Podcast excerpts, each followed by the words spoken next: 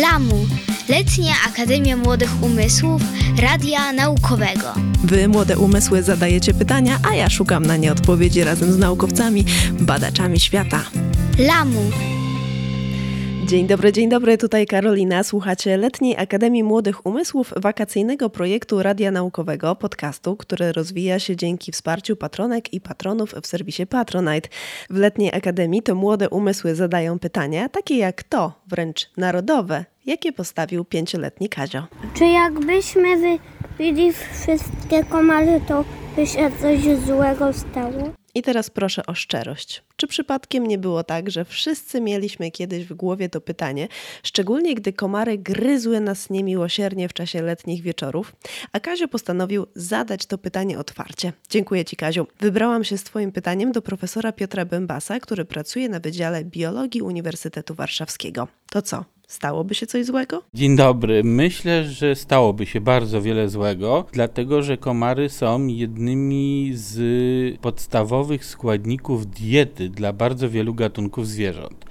Czyli komary są ważnymi elementami łańcuchów pokarmowych, czyli takich zależności, które występują w przyrodzie, gdzie jeden osobnik żywi się innym osobnikiem, a sam zjada jeszcze coś innego.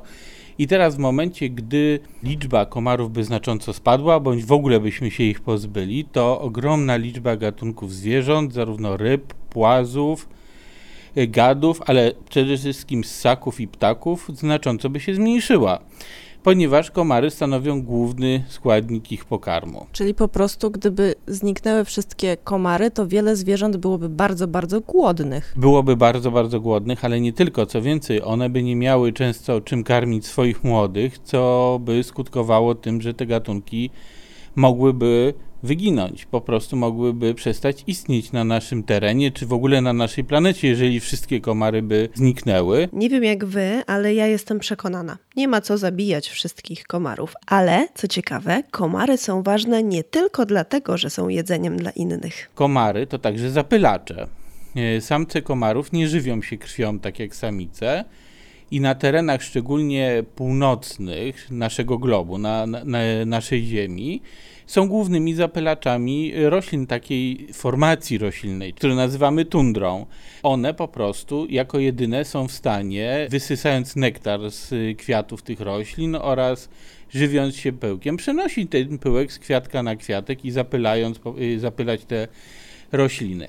Wychodzi na to, że komary są w niektórych miejscach na świecie tak samo ważne jak u nas na przykład pszczoły. Gdyby zniknęły komary, to niektóre rośliny nie mogłyby się rozmnażać, wydawać owoców. To byłaby katastrofa, ale to jeszcze nie koniec znaczenia komarów. Komary występują w bardzo dużej liczbie w naszych zbiornikach wodnych, w stawach, w wolno płynących rzeczkach, strumieniach, gdzieś tam takich zawirowaniach, gdzie woda jest taka półstojąca. I w związku z tym, że są bardzo liczne, jest ich bardzo, bardzo dużo, to są filtratorami. One oczyszczają te zbiorniki wodne, wyjadają po prostu te wszystkie zanieczyszczenia, które my tam najczęściej wprowadzamy. Czyli takim pocieszeniem może być to, że jeśli cię Kaziu swędzi po ugryzieniu przez komara, to w pewnym sensie no, przyczyniłeś się do tego, żeby ta przyroda jakoś tam dalej działała, tak możemy powiedzieć, na pocieszenie? Zdecydowanie tak, ponieważ samiczka komara y, nie wyda potomstwa, nie złoży jaj, jeżeli nie napije się czyjejś krwi.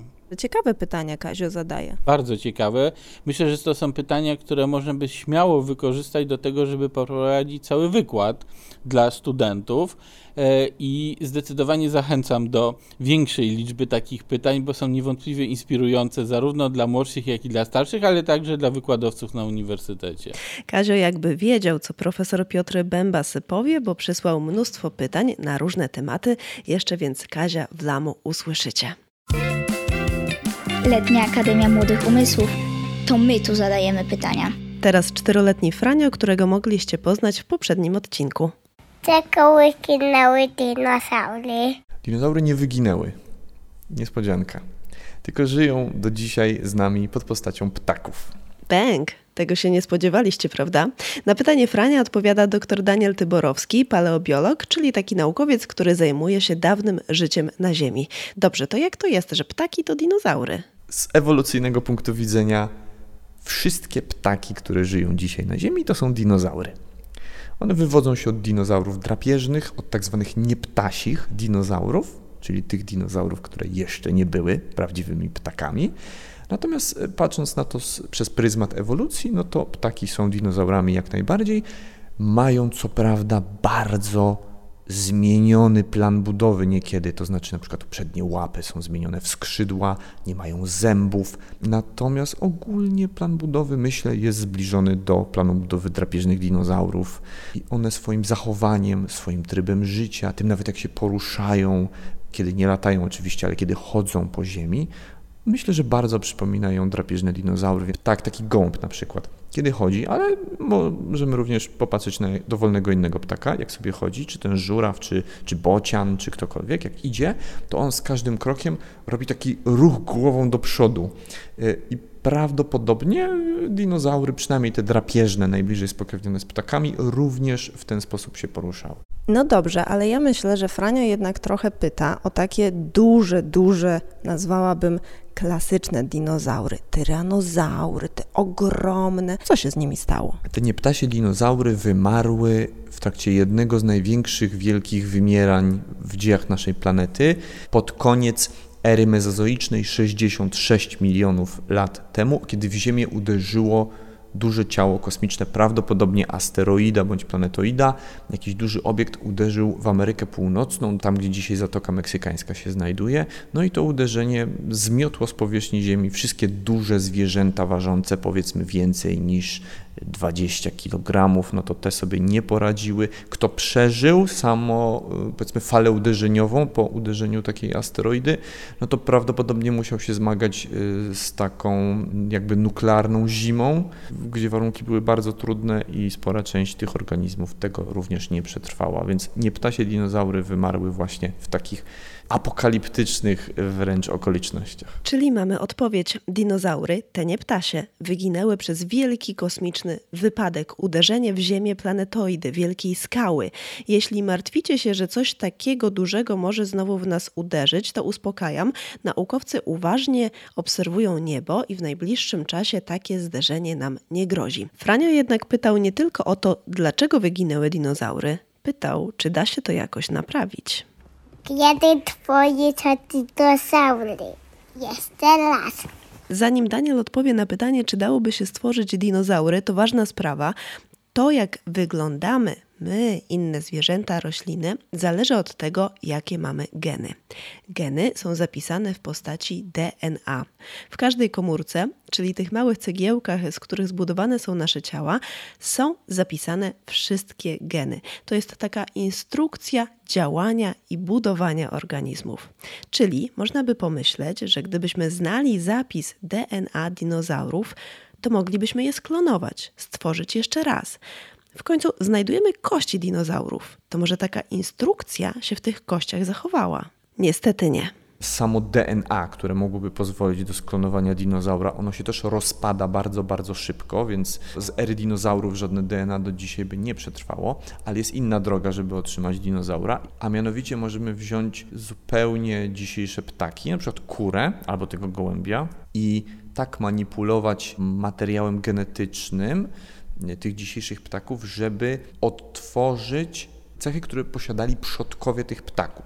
Znając genetykę, znając biologię molekularną, jesteśmy w stanie odtworzyć na przykład uzębienie u ptaka albo zmodyfikować skrzydło, tak żeby tam się pojawiła łapa z pazurami, E, może, żeby pojawił się taki prawdziwie gadzi ogon, e, no bo ptaki jednak mają ogon mocno zredukowany. To jest tylko taki, taka pupka e, zaokrąglona, z której sobie, taki kuperek dokładnie, z którego sobie pióra wyrastają. I to już jest całkiem możliwe i tego jesteśmy blisko. Pytanie, po co coś takiego zrobić? To znaczy po to, żeby był po prostu dinozaur i sobie biegał i ryczał. No trzeba się zastanowić, czy to w ogóle ma sens i czy mamy prawo w ogóle to robić. No bo pomyślcie, taki dinozaur mógłby być bardzo zagubiony. Ziemia przecież wygląda teraz zupełnie inaczej niż te miliony lat temu.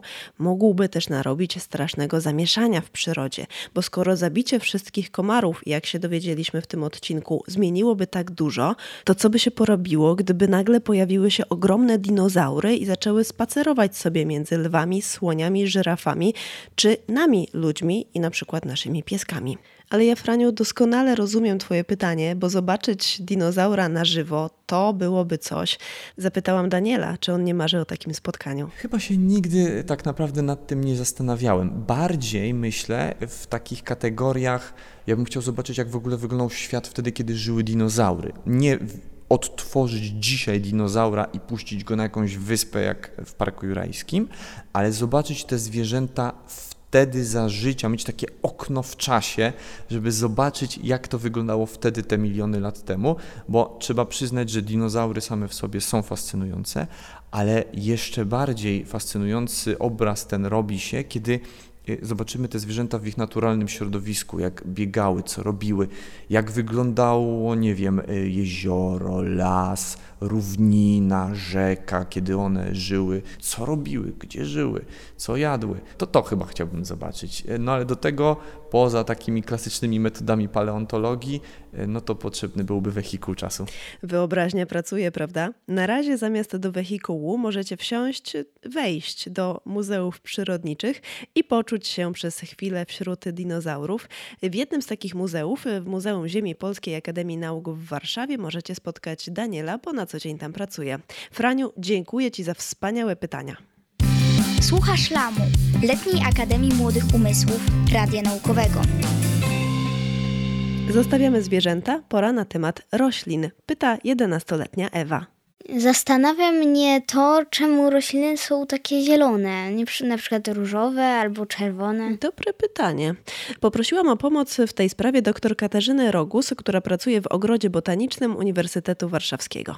Ewo, pytanie, dlaczego rośliny są takie zielone, to chyba nieodłączny element naszej interakcji z roślinami. Rzeczywiście, bardzo często jest tak, że przeważająca część gatunków roślin, które będą nas otaczały, no jest głównie zielona. Ta zielona barwa to tak naprawdę głównie liście, bo przecież często inne części roślin, czyli na przykład kwiaty, owoce, pień czy nawet korzenie, będą miały inne kolory i wcale nie są zielone. No ale rzeczywiście w przypadku liści bardzo często pojawia nam się zielona barwa, która jest związana z obecnością chlorofilu. Y, chlorofil jest jednym z takich bardzo ważnych związków chemicznych, które znajdują się między innymi w liściach a zielony kolor jest związany z właściwościami chlorofilu, mm, który akurat ze światła widzialnego pochłania fale odpowiadające długości barwy czerwonej i niebieskiej, a będzie odbijał zieloną część spektrum światła widzialnego, czyli da właśnie tę zieloną barwę, którą my widzimy. Czyli ze względu na właściwości chlorofilu nie widzimy tej części światła, którą on pochłania, czyli czerwonej i niebieskiej, a widzimy właśnie zieloną, czyli tę, którą chlorofil odbija. Tutaj mały nawias, bo niektórzy może są zaskoczeni, że Katarzyna mówiąc o kolorach opowiada o pochłanianiu i odbijaniu części światła. O co tutaj chodzi? Chodzi o to, że kolory, uwaga, tak naprawdę nie istnieją. One są tylko interpretacją, wrażeniem, jakie wytwarza nasz mózg. To wrażenie jest związane z tym, jakie jest światło, które oświetla dany przedmiot i którą część tego światła nasz przedmiot odbija. Ważne jest też to, jak zbudowane są nasze oczy. Na przykład ptaki czy psy widzą kolory inaczej niż ludzie. To wszystko jest trochę skomplikowane, więc na razie to zostawmy. Więcej o kolorach i ich postrzeganiu będzie w odcinku numer 8. A teraz wracamy do naszych zielonych chlorofili, których tak dużo jest w liściach roślin. Dlaczego one są ważne? Chlorofile pełnią ważną rolę e, w życiu rośliny w procesie fotosyntezy, czyli w procesie czegoś, co tak bardzo ogólnie możemy nazwać odżywianiem się roślin. A jeżeli chcemy powiedzieć o tym bardziej naukowo, to powiemy, że rośliny wytwarzają w procesie fotosyntezy związki organiczne. No i wiem, że na razie nie chcemy myśleć o jesieni, bo na szczęście mamy pełnię lata i za oknem jest zielono, ale jeżeli przypomnimy sobie nasze pytanie o zielone rośliny, czy Ewo właśnie Twoje pytanie o zielone rośliny jesienią, to okaże się, że chlorofile to tak na dobrą sprawę nie jedyne barwniki, które znajdziemy w roślinach. Są tam także inne barwniki, na przykład karotenoidy. Y, pewnie zaraz skojarzy nam się marchewka i słusznie. Karotenoidy odbijają światło żółte czy pomarańczowe, E, stąd też, kiedy chlorofil zniknie ze starzejących się jesienią liści, pokaże nam się całe bogactwo pomarańczy, czerwieni czy żółci. Sprawa robi się już całkiem jasna, ale Ewa pytała o jeszcze jedną rzecz. Czemu natural nie lubi czarnego? Żaden kwiatek, roślina nie jest w kolorze czarnym. Ewo, rzeczywiście to jest bardzo fajne pytanie, które pokazuje, że strategie roślin naprawdę dobrze działają. Bo jeżeli poszukamy troszeczkę głębiej, to uda nam się znaleźć czarne albo bardzo, bardzo ciemne elementy roślin. No i jeżeli chcemy sobie porozmawiać o czarnym kolorze, to warto pomyśleć o takich dwóch strategiach roślin. Czyli z jednej strony unikaniu roślinożerców, ale z drugiej strony zachęcaniu do odwiedzin innych zwierząt, które są roślinom bardzo potrzebne. No, wiadomo, że generalnie rośliny nie mogą się przemieszczać. To jest coś, co jest oczywiste, a o czym w sumie bardzo często zapominamy, a wiążą się z tym różne strategie. Rośliny przez to, że rosną na stałe w jednym miejscu, nie mogą uciekać przed drapieżnikami, ani nie mogą podchodzić do zapylaczy. Dlatego e, na przykład bardzo często nasiona roślin, które będą chciały uniknąć zjedzenia przez jakichś na przykład roślinożerców, będą czarne i przez, albo jakoś ciemne i przez to słabiej widoczne. E, nasiona nie mogą uciec przed roślinożercami, ale za to mogą się przed nimi schować. No ale za to kwiaty, dla których odwiedziny zapylaczy są bardzo, bardzo ważne i potrzebne, muszą być widoczne i kolorowe, czyli będą często białe, żółte, czerwone, tak żeby zapylacze widziały je z dużej odległości, żeby wiedziały, że w to miejsce właśnie powinny przylecieć. E, no chociaż oczywiście to nie jest regułą, bo na przykład irysy rosnące na pustyni Negev w Izraelu są prawie całe czarne. Takie czarne kwiaty szybko się nagrzewają, tak jak nasze czarne ubrania czy czarne samochody. Na pewno wszyscy latem dobrze wiemy o co chodzi. A takie nagrzane, cieplutkie kwiaty irysów są bardzo wygodnym miejscem, w którym samotne pszczoły chętnie spędzą noc. To ciekawe, czyli jednak istnieją czarne, czy też po prostu bardzo ciemne kwiaty, no tylko jest ich po prostu mniej. Tylko zaraz, zaraz. Czy owady widzą te kwiaty tak samo jak my? Ludzie widzą kwiaty trochę inaczej niż owady. Często jest tak, że na kwiatach są specjalnie, specjalne takie wskaźniki dla zapylaczy, które działają jak drogowskaz albo do słodkiego nektaru, albo do pożywnego pyłku. No i takie wskazówki dla zapylaczy są widoczne na przykład tylko w świetle ultrafioletowym. Dla nas, ludzi, one będą niewidoczne, a dla zapylaczy będą świeciły jak takie kolorowe strzałki. No i to jest właśnie y, bardzo fajna rzecz w tej dociekliwości, bo mm, okazuje się, że jeżeli poszukamy trochę głębiej, to te czarne części roślin albo nawet czarne kwiaty uda nam się znaleźć. No a z drugiej strony to jest właśnie nauka, czyli odkrywanie czegoś, co na pierwszy rzut oka jest niewidoczne, a z, z, użyciem różnych narzędzi, które na przykład mamy tutaj w ogrodzie botanicznym, możemy dotrzeć do głębszej prawdy i znaleźć coś, co jest na pierwszy rzut oka niewidoczne. Dziękuję Ci, Ewa, za świetne pytania. Radio naukowe. Włącz wiedzę.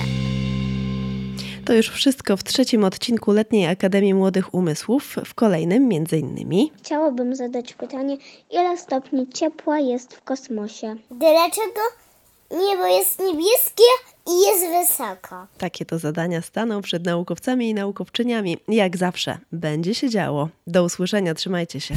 Letnia Akademia Młodych Umysłów Radia Naukowego. Więcej odcinków dla młodych i starszych umysłów znajdziecie na radionaukowe.pl. Do usłyszenia.